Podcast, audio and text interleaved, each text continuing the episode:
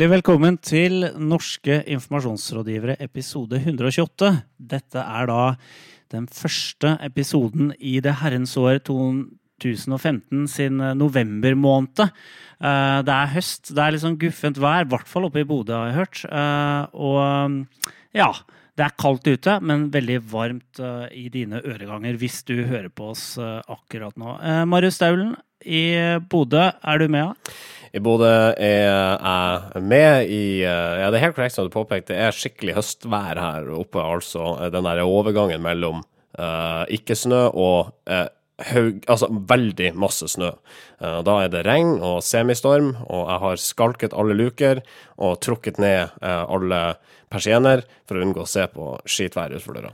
Men så, så, dere Hei, jeg heter Marius, forresten. Jeg òg. Eh, så dere at det på Vestlandet denne uka var 20 grader eh, i henholdsvis Ålesund og Molde eh, på lørdagen?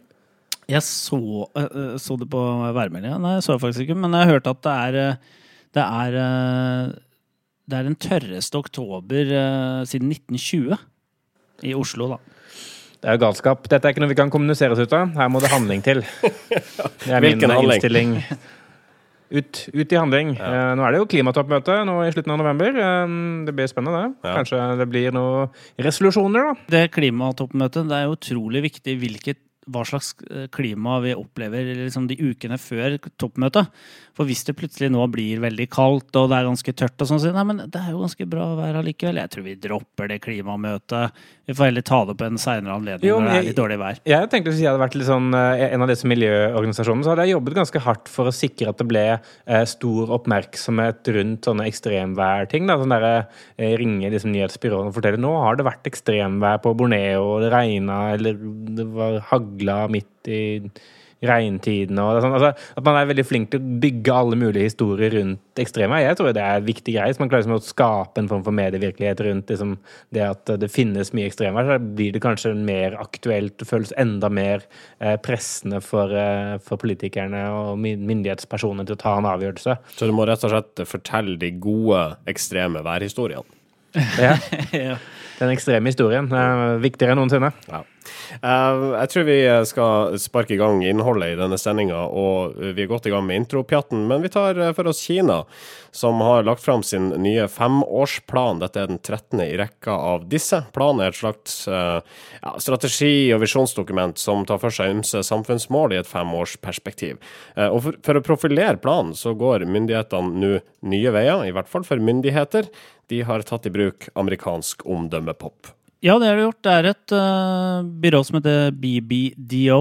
Riktignok uh, stasjonert i Shanghai, men det høres jo veldig, det er veldig sånn vestligaktig musikkvideo. Det er en uh, det er litt sånn hippieaktig. De, de, bruker en sånn folkevognbuss, og, og, det er mye sånne Altså det er animasjonsvideo, ikke sant? Animasjonsvideo. Og funky musikk. Skal vi høre et lite klipp? Ja, la oss gjøre det. Jeg gjør det.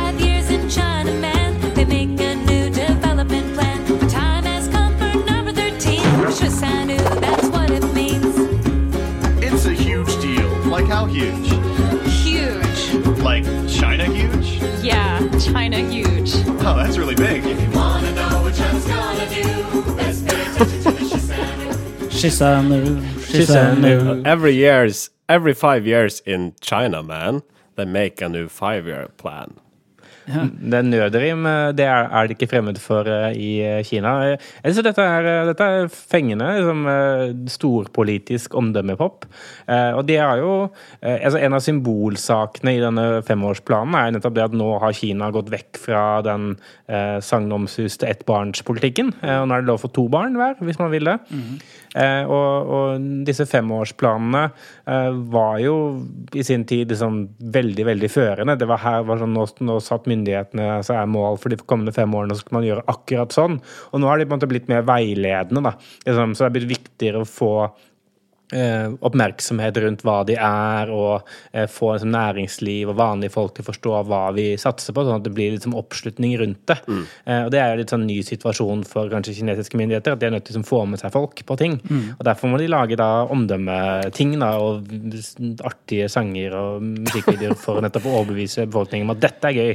Og oss andre, da. Derfor den er på engelsk. Det er jo litt, det er litt kuriøst allikevel, hele greia. Det med å lansere en femårsplan og, og si at sånn skal vi gjøre de neste fem åra. Og det er bare diktaturer som kan gjøre. ikke sant? Du, du kan jo ikke Sånn som Regjeringen kunne f.eks. ikke lansert den samme låta med statsbudsjettet. Altså, sånn blir statsbudsjettet neste år. For uh, om bare noen uker etterpå så kommer jo opposisjonen og, og sier at nei, vi vil ikke ha det statsbudsjettet. Så da må man ut med en ny video med revidert statsbudsjettsvideo. Og så hvis det kommer veldig mange flyktninger til Norge, som det gjorde nå, så må man ha tilleggsbudsjett. Eller. Anundsen, eh, hvis hvis Anundsen ville fått oppmerksomhet, kunne man ta den Vi har bygget mange nye fengselsplasser i Moss. I Moss.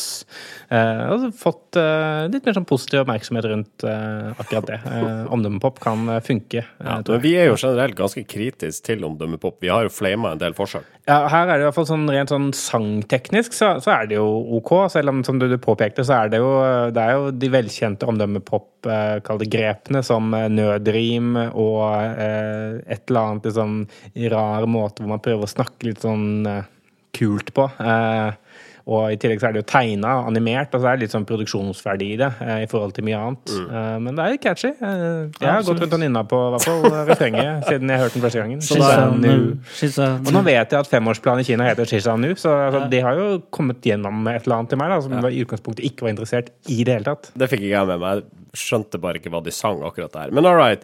Eh, Så det blir en tommel opp eller ned for Kina, da? Jeg syns Kina har mye bra for seg. Ja, Tommel opp for Kina. Kina er bra. Jeg tror vi skal komme oss i gang med hovedsendinga. Hjertelig velkommen til NIR episode 128. Norske informasjonsrådgivere. Vi skal til meglerbransjen først, for eh, meglerhusene Eklund og Ihus er i tottene på hverandre etter at sistnevnte kjøpte Facebook- og Instagram-kontoene fra konkursboet til Fredrik Eklunds nå nedlagte Oslo-kontor. Ihus overførte penger, men fikk aldri tilsendt nødvendige passord. Eklunds norske kontoer ble i stedet overtatt av Eklund i Stockholm. Ja, det stemmer. eh, Etter at eh, Fredrik Ekelund først var jo en eh, stor kjendismegler i New York og solgte gigantiske, kjempedyre leiligheter på Manhattan. Etter at han lykkes med det, så tenkte han nå skal jeg ta Oslo-markedet, for her er det mye penger. Og han mislyktes med det, og det beviser bare at Frank Sinatra hadde feil. Eh, If you can make it here, you can't make it anywhere, Spesielt ikke Oslo. Eh, Men eh, det førte til at eh, hele virksomheten måtte nedlegges, og da så Ihus sitt snitt. For Ihus satser også på litt sånn upscale boliger. Jeg tenkte at her er det jo en gruppe som er veldig i modus for eh, litt sånn high-end eh, boliger. Vi kjøper eh, de Facebook-sidene, så bare gjør vi det om til Ihus. Eh, Det, det synes, kommer folk til å synes er helt greit, for det er jo mer eller mindre det samme. Men, altså, det er jo et eller annet som skurrer akkurat der. Altså, Ihus er sint fordi at de eh, ikke har fått disse kontoene. Men det at Ihus i det hele tatt skulle overta Eklund sine Facebook- og Instagram-kontoer, virka veldig rart. Det virker veldig rart, og det, og det er rett og slett ikke lov heller. Eh, fordi en- hver Facebook-side er Facebook sin eiendom, faktisk. Det tror jeg folk eh, og merkevare tenker veldig lite over. Men eh, det er lånt eh, Det er jo en lånt plattform. Når man lager en Facebook-side der og bygger opp den og betaler masse penger for å få folk til å følge deg og, og like innholdet ditt, så er det allikevel Facebook sin eiendom. Så man kan ikke kjøpe en annen bedrifts Facebook-side i det hele tatt. For du kan ikke kjøpe deg likes, rett og slett. Nei, du kan ikke det på den måten. Altså ta over en annen side. Det man kan gjøre, det er jo sånn som Ekelund har gjort, det er å merge sidene, sånn at eh, Oslo-siden og Stockholm-siden blir én side. Det kan man gjøre eh, hvis man administrerer begge sidene og er ett selskap. Eh, så, så her er det jo egentlig Ihus skulle jo henvendt seg til Facebook, som jo også eier Instagram, for de ønsker å ta over begge kontoene, og spurt der om, om vi kunne gjort det i så fall. Men det er jo en veldig komplisert prosess, og jeg tror ikke de hadde fått ja for å gjøre det. Eh, en annen ting som, jeg tenker på er jo at det er ganske beskjedne tall. 8000 følgere på Facebook. Eh, Man vet jo kanskje ikke så all verden om de heller, hvem de er. Og det er 5700 følgere på Instagram som eh, Ekelund har. Og den kontoen er til og med lukka, så jeg. Um, så, så, så det var skjønner, Det virker litt sånn stusslig, hele opplegget, da. Og så må jeg jo si, det er jo det er jo litt fascinerende. Eh, Fredrik Ekelund, som står bak Ekelund, han ga jo ut en eh, bok nylig som heter The Cell. The Secrets of Selling Anything to anyone. Og det tror jeg oppsummerer egentlig hele segmentet. Altså, eh, nå har vi tatt for oss det legale perspektivet, eller juridiske perspektivet. Det er altså ikke lov å kjøpe Facebook-sidene til noen andre, bare overta den. Eh, man kunne tenke seg hvor merkelig det hadde vært hvis Rema 1000 hadde hatt 40 000 likes på Facebook, og så bare solgt hele sida til Coop. Det, det virka veldig rart. Det stoppa ikke ihuseier Geir Ole Reiakvam i å være forbanna overfor E24. Jeg kjøpte disse sidene som et viktig ledd i vår satsing på sosiale medier eh, konstaterer han. Og han syns at det er helt utrolig at ledelsen i Eklund risikerer både, både omdømme og opptil seks års fengsel i sitt forsøk på å tilegne seg Oslo-avdelingens Facebook- og Instagram-kontoer. Vel, vel, eh, det er kanskje flere enn Eklunds omdømme som er på spill her. Ja, altså jeg, jeg tenker det at eh, det er en litt sånn selvmotsigelse når eh, Reia Kvam kaller det her for en satsing i sosiale medier. Det virker jo mer som det motsatte. Altså dette er sånn For å slippe å satse i sosiale medier, så bare kjøper vi noe annet. Ork, slipper vi alt de der greiene. Altså det, det han jo kan eh, gjøre hvis han vil, er jo å eh, annonsere mot de som liker siden. Det går jo an. altså Bare i det vanlige annonsestyringsverktøyet til Facebook så kan du jo velge ut folk som har interesser for spesifikke ting, f.eks.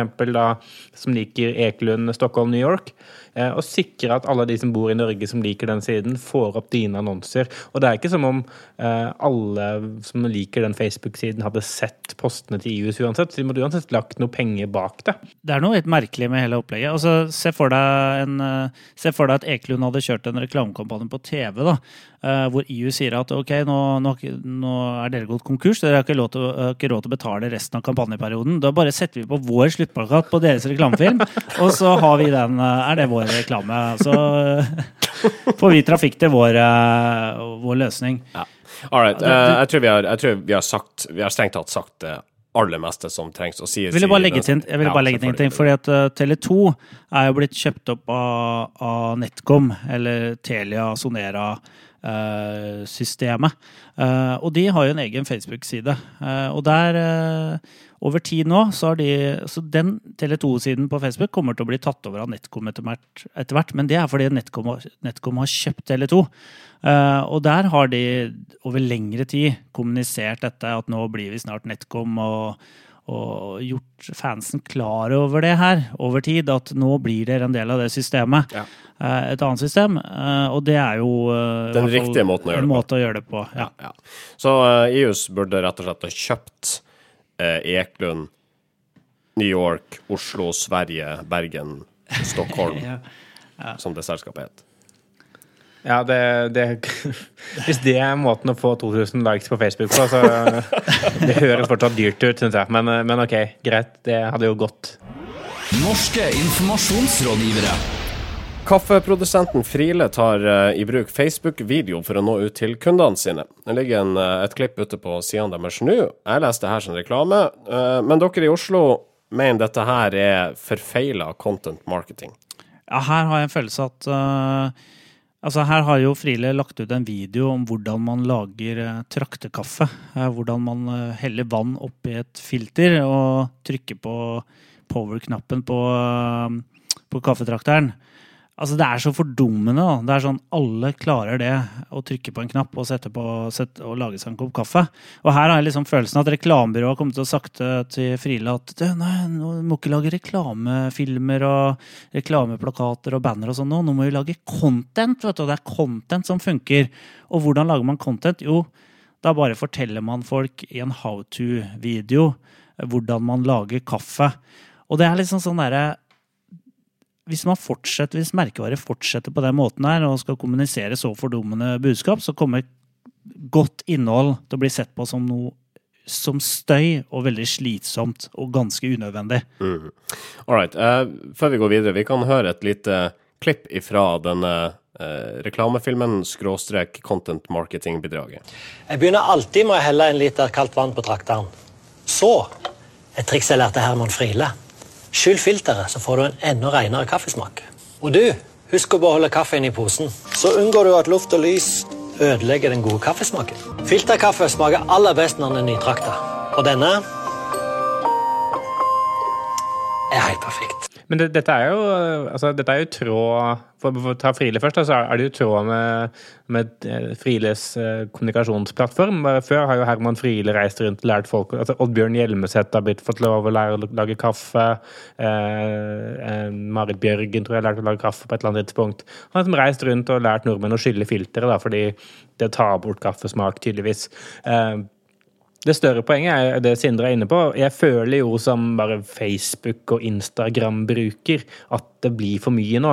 Eh, nå, altså, alt, nå og nå kommer snart skismøresesongen også. Det blir jo et helvete. Alle, alle, alle sportsbutikker og smøreprodusenter og stavprodusenter Alle skal lære meg hvordan jeg smører ski. Og det er liksom, det er alt mulig. Og Mercedes skal sikkert gjøre det. Eh, Nå skal jeg fortelle deg hvordan vi skrur av troppa på sviksen og gnikker den utover skia. Ta av lokket, gni fram og tilbake.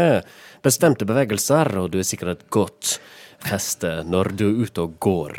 God Ja, tur. men, men, og og det, som, det som jeg savner litt, er, er virksomheter som er mye bedre til å legge til sin egen kall det, eh, stemme, eller tone of voice, for å bruke et litt sånn kjedelig begrep, eh, i, i filmene sine. Da. Fordi eh, jeg, jeg savner liksom et perspektiv på, på disse how to-videoene. Altså, hva er det som gjør at du er så brennende opptatt av at ikke det skal smake eh, papir av kaffen? Og det kan godt hende at du er veldig opptatt av kaffe, for så vidt, men du, du, det er ikke noe veldig sånn frilesk over dette her, utover at du nevner Herman Friele, da, tilfeldigvis. Men det kunne like så godt vært Coop eh, kaffe som gjorde akkurat det samme. Da. Det kommer de sikkert til å gjøre også. Så det blir liksom ikke, du skiller deg ikke ut lenger. Du bare gjør akkurat de samme how to-videoene som alle andre gjør. Dette er jo eh, dette er et bevis på at det her innholdsbyråene har fått for mye makt. eh? For de begynner i feil ende. De sier at eh, ja, du må ha videoer som er under 40 sekunder lange, for folk flest ser ikke mer enn 20 sekunder video i snitt. Eh, det skjønner jeg når man ser disse videoene. Og du må poste så, så ja, ikke sant? Du må poste tre ganger i uka. Altså begynner der, da, istedenfor å begynne der man egentlig skal begynne. Det er å finne det genuine. Det som gjør deg at du skiller deg ut. da. Og det, det er jo det er kunden også. Jeg, jeg har jo vært borti kunder som måtte krever en viss form for community management, hvor det viktigste er at vi liksom fyller Facebook-siden med nok bilder av smilende folk som nyter produktet ditt. Eh, og da blir det jo uinteressant, for det er ingen som Det er i hvert fall vanskelig å klare å produsere nok innholdselementer til at du er interessant hver dag. Eh, Så interessant er rett og slett ikke kaffen. Nei, ikke sant? Og så- så trekk- trekker man alltid frem Oreos. Oreos klarte jo, de hadde noe kult hver dag i et år, men de brukte alle pengene de hadde på det. Da, da må man gjøre det og ha fire personer som kun jobber med det, og det er det ingen som har. Det er altfor få som har råd til det. Så ja, slutt. Gutenberg. Pergamentrull. Tresko. Brevdue. Elektronikk. Fax. Nintendo 8-bit. CDR. Ja, jeg sender pressemeldingen på Telex. Sindres tidsmaskin. Ja. Det, det her, den her spalta dro vi under høstseminarframføringa vår, og, og vi kikka ut på publikum etter at jingen hadde gått. Vi fikk jo også produsert eh, videojingle til den her av vår venn Chris Eliassen, eh, og folk så veldig forvirra ut der ute. Ja, det var mye. Det var et hav av forvirrelse der ute. Men eh, det er en fast gjenganger som vi er glade i, alle sammen. Ja, Vi er alle veldig glad i Tidsmaskinen, men det er du som er bestyrer, eh, Holme. Det er det. Dette er jo eh, kommunikasjonsbransjens Tilbake til fremtiden-segment. eller hva skal jeg si, vårt svar på det. Eh, Marty McFly kan du godt kalle meg. Eh, det er jo en eh, spalte der vi setter oss inn i tidsmaskinen og, besøker da begivenhetsrike ting som har skjedd eh, opp gjennom historien. Ja. Altså Det er rett og slett et historisk tilbakeblikk på PR, eh, eller kommunikasjon da, opp gjennom årene. Og hvor skal vi igjen i dag? Ja, vi skal til 2007. Nær, eh, nær fortid. Det er året da TV 2 Nyhetskanalen starter opp sine sendinger. Gerd Liv Valla går av som LO-leder, og Tromsø velges som søkerby for Norge i OL 2018. Alle vet hvordan det gikk, så vi skal ikke til Tromsø. Det gikk til helvete. Jeg vil bare legge til, jeg jobba i Radio Tromsø da det der oh, ja. eh, var et tema. Og avisa Nordlys oppe i Tromsø de hadde en sånn countdown på baksida av avisa. De bare sånn 1804 dager til OL i Tromsø. Og så kom dagen da noen skulle gjøre et valg her, og uh, vi skulle da dekke dette her. Og ordføreren uh, på den tida hadde samla en del mennesker i et eller annet offentlig lokale. Og så sto de og så på direkteoverføringa fra NRK. Blir Tromsø valgt? Nei da, Tromsø blir ikke valgt. Å, herlighet! Jeg har aldri sett en større samling fortvila mennesker i hele mitt liv. det var fantastisk. Fortsatte Nordlys den nedtellingen, eller nå er det 1813 dager til vi ikke får OL? Nei, de, de tok den bort. Men vi skal ikke til Tromsø, som sagt. Vi skal lenger sør og lenger vest. Vi skal eh, til Bergen. For eh, 16. mars i 2007 så våkner bergenserne med et sjokk. For da eh, observerer de at et av deres nasjonalsymboler, den blå steinen på Torgallmenningen, som er et eh, veldig populært kunstverk, eh, det er blitt farga rosa. Å nei. Eh, og alle lurer på hva er dette for noe. Samtidig så får byens aviser en pressemelding tilsendt fra noe som kaller seg for Go Bergen. Som da yt ytrer at vi har tatt et viktig symbol, Uh, og sier at det, dette har de gjort for å ytre en økonomisk protest. Uh, og etter hvert så finner jo avisene ut hvem det er som eh, For de sjekker jo hva Go Bergen er for noe. Og det er jo rett og slett uh, telekomselskapet Kombitel som står bak dette her. Og markedsdirektør Alexander Helmersberg. Og han sier da til de, de, de pressemeldingen så står det 'Revolusjon i Bergen'. Den blå stenen er blitt rosa. Og dette gjør det jo for å liksom gjøre noe kult i Bergen. Det vil rocke, eh, sier Helmersberg, uten å, eh, uten å si hvorfor. Og, BT ringer jo markedsdirektøren og spør hva er dette for noe. Det er et statement, sier Helmersberg. Hva mener du med det? Det er en happening. En erklæring. Om hva? Det kan jeg ikke si. Men det er ganske drastisk. Det vil rocke. Og så som fortsetter det uten å, at man får noe uh, mer greie på hva som skjer her. Uh, liksom, og dette er jo et forsøk på å lage et, et stunt da, eh, ut av egentlig Egentlig det de egentlig sier, er at eh, nei, vi har lansert Go Bergen fordi det står for lavere telekompriser. Og det er det, vi, det, er det protesten står, eh, går i. Eh, og så kommer jo Bergen altså den liksom Greit nok. Tullete stunt og forsøk på å gjøre noe artig, men, men backlashen kommer jo i det med Bymiljøetaten i eh, Bergen kommune eh, blir forbanna for det her dekket, det rosa dekket på den rosa stenen, er veldig den grønne, eh, blå steinen, er veldig vanskelig å få bort. Så det, her, så det blir jo Men har de malt den, liksom? Eller Nei, de har lagt på et sånt dekke som er veldig vanskelig å skrape bort etterpå. Og Nei, dette er jo et folie. Yndal Ja? Det er jo en slags folie. Så det er jo et ynda nasjonalsymbol i Bergen, så bergenserne vender seg jo mot dette her selskapet uh, istedenfor med. Eh, og eh, åtte måneder senere, eh, med over 50 millioner kroner i underskudd, så eh, må de sparke 19 ansatte, og ikke lenge etterpå så er eh, Kombitel eh, historie.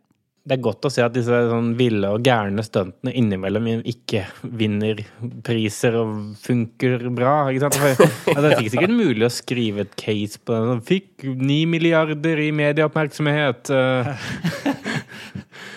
lanserte All right. Nei, eh, det begynner å bli litt guffen stemning her i 2007. Jeg foreslår vi reiser tilbake til eh, vår egen tid. Ja, la oss gjøre det. Det er du som utrydda den begalske tigeren, altså. Brukte du alle kommunens penger på PR-byrå? Flyttet du makt i favør av andre enn dine oppdragsgivere? Sendte du hatmail til innvandrere mens du satt i regjering? regjering? Dette skal ikke skje i forhold til det, så legger jeg meg flat. Det var ikke meningen at du skulle finne ut det. Jeg legger meg flat. Nå ble det veldig mye negativ presse. Jeg legger meg flat. Jeg tar det til etterretning og legger meg paddeflat. Jeg legger meg flat. Flatindeksen. Ja, Dette her er den første sendinga i november måned, og det første vi gjør ved månedsskifter, det er å se tilbake til måneden vi har forlatt, nemlig oktober, for å vurdere hvordan det står til i eh, flathetslandet Norge. Det stemmer. Nå er det jo på tide å trekke opp denne Inda-spalten igjen. Da. Og vi, eh, jeg, vi, og jeg med meg i spissen, holdt jeg på å si, vi har gått gjennom, eh, gått gjennom eh, mediene for å ha sett hvor mange er som har lagt seg flat i måneden som har gått. Eh, Tallet for, eh, for oktober er 34. Eh, Det er jo et relativt eh, høyt tall. Det er helt klart oppe i det øvre sjiktet. Men eh, heldigvis var det ikke nok til at jeg måtte ta meg en fridag for å komme meg gjennom hele greia. Det har jo skjedd tidligere. Ja, for det, altså, dette her binder opp en del eh, ressurser for, for ditt vedkommende, for det er jo du som gjør arbeidet her. Ja, eh, det er mye jeg visste jo ikke hva jeg sa ja til når jeg ga meg inn på denne, denne Det var du som foreslo denne spalta. Jo, dette korstoget mot flatlegging har kostet meg mer enn jeg ville drømme om. Eh, Men eh, jeg holder fast ved fanen og holder parolen høyt. Mindre flatlegging, mindre flatlegging, mindre flatlegging. Riktig. Og eh, for å understreke poenget vårt, så lager vi en, en pall. Vi finner de tre flateste måned for måned, og ja, henger de litt ut. Skal vi gå rett på en tredjeplass? Ja, bare kort bare si det at formålet med dette er jo egentlig bare det at vi ønsker at folk skal eller alle mulige virksomheter alt mulig skal slutte å bare beklage når de gjør noe galt, men heller kanskje heller vise litt mer handlekraft og faktisk vise at de gjør ting, framfor bare å si eh, unnskyld og håpe at det blåser over. og Det, det er viktig å ha, ha med seg når jeg skal gå gjennom topp tre, spesielt med tanke på førsteplassen, som dere kan glede dere til. Ja, all right. Eh, det gjør vi. Vi sier ikke at eh, altså, flathet aldri skal forekomme, men vi sier at du bør tenke deg veldig nøye gjennom før du bruker det virkemidlet, og som Marius sier, altså ta noen grep da, istedenfor bare å legge deg flat. Uh, flathet er veldig effektivt for å få pressen av nakken, men gjør noe i tillegg. All right, tredjeplassen, Marius. Tredjeplassen den går til eh, Institutt for sosiologi og samfunnsgeografi ved Universitetet i Oslo. Eh, Forkortelsen er IS. S. Det er litt uheldig, kanskje, men eh, det er ikke det de skal beklage. De har jo denne måneden lansert en eh, reklamefilm for, eh, for instituttet. Og reklamefilmen er produsert av Gambit, og, og de får kjeft, ISS og Gambit, fordi de utelukkende benytter hvite skuespillere i filmen. Det er altså da Natt og Dag som på kommentatorplass kritiserer UiO og ISS for, for dette her. Og Hovedkritikken går på det at dette ikke reflekterer eh, studentmassen i det hele tatt, og det framskaffer et bilde av at eh, det kun er da hvite studenter ved universitetet. Eh, Og instituttleder ved ISS, Per Gunnar Rød, han legger seg flat og beklager for den Gambit-produserte reklamefilmen. Han sier her vil vi langt på vei gi Natt og Dags debattredaktør rett. Dette burde Gambit og vi har tenkt på.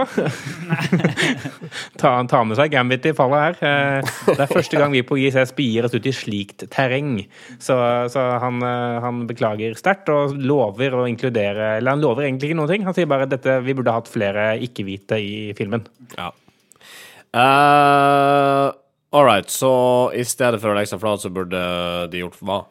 Nei, jeg, jeg tenker at her burde man jo i, eh, i, eh, vært enda mer offensive på liksom, å, å vise at man, eh, man ønsker å produsere andre filmer. Gjerne kanskje eh, fått eh, preprodusert selv inn historier med da vellykkede studenter som har minoritetsbakgrunn, i den grad det er interessant. Eller, eller tatt med Natt og Dag f.eks.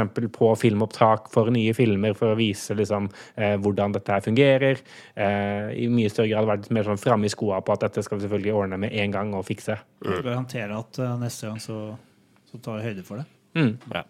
All right, en eh, andreplass, Marius. Andreplassen den går til eh, en eh, utlending, holdt jeg på å si. Det, det er greit. Ja, vi, ja, det er jo viktig for oss også å ha utlendinger representert i flatindeksen, for ikke å få beskyldninger fra Natt og Dag sin debattredaktør. da. Ja, Vi vil gjerne unngå det. Så Andreplassen den går til Luke Edwards. Han er eh, reporter i den britiske avisa The Telegraph. Og eh, han eh, får andreplassen fordi han eh, kommenterte, eller han live-kommenterte i tekst, oppgjøret mellom Sunderland og Newcastle her i oktober, altså Tyneside Derby, som ofte har mye følelser i seg. Og Adam Johnson han skårte et av målene for Sunderland. Og når han skårte det, så løp han bortover banen med armene utover til siden og var veldig glad. Eh, Luke Edwards han rettet da hard kritikk mot Adam Johnson, for han mente at Adam Johnson her gjorde narr av eh, ofrene som døde i denne Air Malaysia-ulykken, hvor Russland, eh, eller noen russiske missiler, skjøt ned et eh, fly for eh, et år siden eller noe sånt. Fordi det var noen, New, noen Newcastle-supportere som døde i, dette, i den, denne fly, flyulykken. Eh, og det er jo mildt sagt spekulativt. Og liksom da, det, det, dette var liggende ute hos The Telegraph ganske lenge før Luke Edwards måtte krype til korset og si at eh, her tolket tolker jeg kanskje litt for mye inn i eh, denne feiringen, som er ganske normal for fotballspillere. Det kan jeg si til dere som ikke er vant til å se fotball. Slett ikke uvanlig. Jeg husker Jan Åge Fjørtoft også hadde det som sånn eh, varemerke. Han, han legger seg alt, altså flat, og han sier nå det var absolutt ingenting i målfeiringa som på fornuftig vis kan refereres til de tragiske dødsfallene. Vi beklager til Mr. Johnson og har blitt enige om å betale for skadene med en donasjon til Sir Bobby Robson-stiftelsen. Så det er i hvert fall bra. Og det er jo en form for handlekraft, og det kan vi jo applaudere. eh, Ja, vi kan jo gjøre det. Men det vi egentlig vil her, det er at uh, han skal slutte å spekulere. Ja, i hvert fall som journalist. Det tenker Det er i overkant når du ikke kan forsvare deg. Ja. All right, du har allerede teasa førsteplassen som en høydere. Sett i gang. Førsteplassen, og denne, denne spalten har jo ofte litt sånn negativt preg over seg, hvor vi liksom henger ut og godskratter av ulike virksomheter. Førsteplassen her vil jeg bare gi ros, eh, og derav førsteplassen litt sånn annen vinkling på det. Førsteplassen går til NSB, fordi NSB de har jo oppdatert eh, signalsystemet sitt på Østfoldbanen, og det har ført til ganske mye feil. Eh, altså, ikke feil med form at det er usikkert, men feil med at det er mange signaler og tog som har blitt stående kanskje i perioder hvor de ikke trengte det, og mye forsinkelser osv. Eh, og dette har jo eh, NSB da selvfølgelig fått mye kjeft for fra reisende, og da beklaget eh, enkeltvis. Men i oktober så valgte de å stille opp på perrongen med henholdsvis da markedsansvarlig for Østfoldbanen Terje Andersen og eh, Tom Myhrvold, som er leder for lokførerne. De sto der med et stort banner hvor det sto 'unnskyld', og det sto og delte ut kaffe og boller til de reisende. Wow. Eh, og Det er sånn, det synes jeg det er et fint grep, da, for det er sånn, da viser du altså Det er jo lite, og det er jo ikke spesielt sånn eh, Det bøter jo ikke på at du har kommet forsinka, men, men det viser at, at du bryr deg, og det viser liksom at, at du faktisk eh, tar vare på de som eh, er avhengig av å bruke deg hver dag. Eh, og du skaper skaper som, som sannsynligvis litt sånn goodwill på at eh, eh, greit, vi forstår at de gjør så godt de kan. Og det er det viktigste for en virksomhet som NSB som er avhengig av andre aktører for å klare å gjøre jobben sin. Så det, det syns jeg er fint. Det, Ja, det er veldig fint. Eh, og så samtidig så må vi da legge, til at eh, du ved å bruke Altså, du brukte nå førsteplassen som brekkstang for å komme eh, med skryt til NSB, og dermed raserte du hele flåteindeksen. Ja, det var jo et, et, et eksempel til etterfølgelse, egentlig, du kom med nå. ja, men er ikke det bra? Jo, det er jo Altså, egentlig det. det er det. Altså, her, her har de, de har lagt seg flat, Ja, men de viser ja. også handlekraft. De Ja, gjør noe bra. Ja, ja, ja, sånn, er, ja. er, er i tråd med en måte, det vi ønsker, og det jeg ønsker at det skal være. For jeg, nå har jeg prøvd med pisk lenge. Mm. I to år har jeg prøvd med pisk i denne Ja. spalten. Det har ikke fungert. Gulrot herfra ut. Jeg føler at eh, det, Gjør som jeg vil, ikke som jeg sier. Kanskje vi bør liksom eh, prøve mer gulrottaktikk framover? Altså Mm. trekke fram noen som faktisk gjør det riktig, dette her. Det er mye kjedeligere å høre på, da. Eh, Jeg beklager til dere lyttere, men jeg håper at det funker. Eh, Det er ja. litt sånn jeg, jeg føler at det Torkelsen gjør her, er liksom på nivå med det det man prøver på uh, i Midtøsten også, å skape fred. ikke sant? Istedenfor å bare snakke om forskjellene mellom palestinere og jøder, så burde man snakke om det som forener dem. Og, og det er liksom sånn man bør gjøre med flatlegging og vise til de som gjør det riktig. eh, sånn at man kan unngå, unngå det i fremtiden. Ja, og Da er det viktig å påpeke også at andreplass, andre- og andre tredjeplasser, de var til spott og spe. Eh, Så det er bare førsteplassen som får skryt. Så det er litt forvirrende, det forstår jeg. Men eh, det må dere bare leve med, tror jeg. Jeg føler liksom når vi, når vi drar til Israel i flatindeksen, så drar vi det vel langt. Men uh, hjertelig tusen takk for flatindeksen for oktober, Marius Torkelsen. Vær så god. Norske informasjonsrådgivere. Det går uh, mot uh, slutten her. Et par meldinger helt på tampen. Vi har i en tidligere sending angivelig snakka varmt om en VG-reportasje omhandlende en flodbølge i Møre og Romsdal på 30-tallet. Uh, reportasjen var det journalister liker å kalle content marketing, altså sponsa innhold for å profilere filmen Bølgen, som gikk på kino tidligere i år. NIR-lytter Edvard Berntsen skriver i Facebook-melding til oss at det er en smule paradoksalt at PFU har landa på å kritisere artikkelen for å være merka for dårlig. Vi får da se bort ifra at dette ja, Det er jo ikke paradoksalt, men eh, det er uheldig det er ironisk. for oss. Eh, så det viser i hvert fall at PFU ikke lytter til oss. Eh, Det, det er jo Vi har ingen lyttere der. Og, og, siden vi ikke anerkjenner PFU, så, så er vel ikke det paradoksalt i det hele tatt. Det er vel egentlig bare logisk. ja, Dette underbygger hvorfor vi, hvorfor vi ikke anerkjenner PFU som eh, styrende organ. Og, og jeg tenker det at dette, dette var jo en fin måte å lansere en film på. Ja. Absolutt. Jo, det ble egentlig bedre, bedre nå. Ja, ja. All right. Men takk for det, Edvard. Jeg er enig i at eh, det er jo vi er, vi er ikke enige om hvordan, denne- denne content-debatten skal gå veien. Det eneste er eh, sikkert at det blir en debatt. Og Hitler-filmer den har kommet denne siste tiden, og filmmanus, og det er mye, det er mye som skjer i content marketing-debatten. Uh, vi setter en eh, strek for eh, ukas eh, sending. Det finnes på facebook.com slash nearcast og på soundcloud.com slash nearcast samt de fleste podcast eh, directories. Hvis vi ikke er et sted eh, som du vil at vi skal være, send oss en e-post, skal vi se om vi får gjort noe med det. Og hvis det stedet er bedriften din live, så kan vi også nå bevise at vi er flinke til det. Så bok oss gjerne inn til julebord og påskefester og alt. Ja, det er godt. All right. Vi høres om en uke. Fram til da. Ha det! Norske informasjonsrådgivere.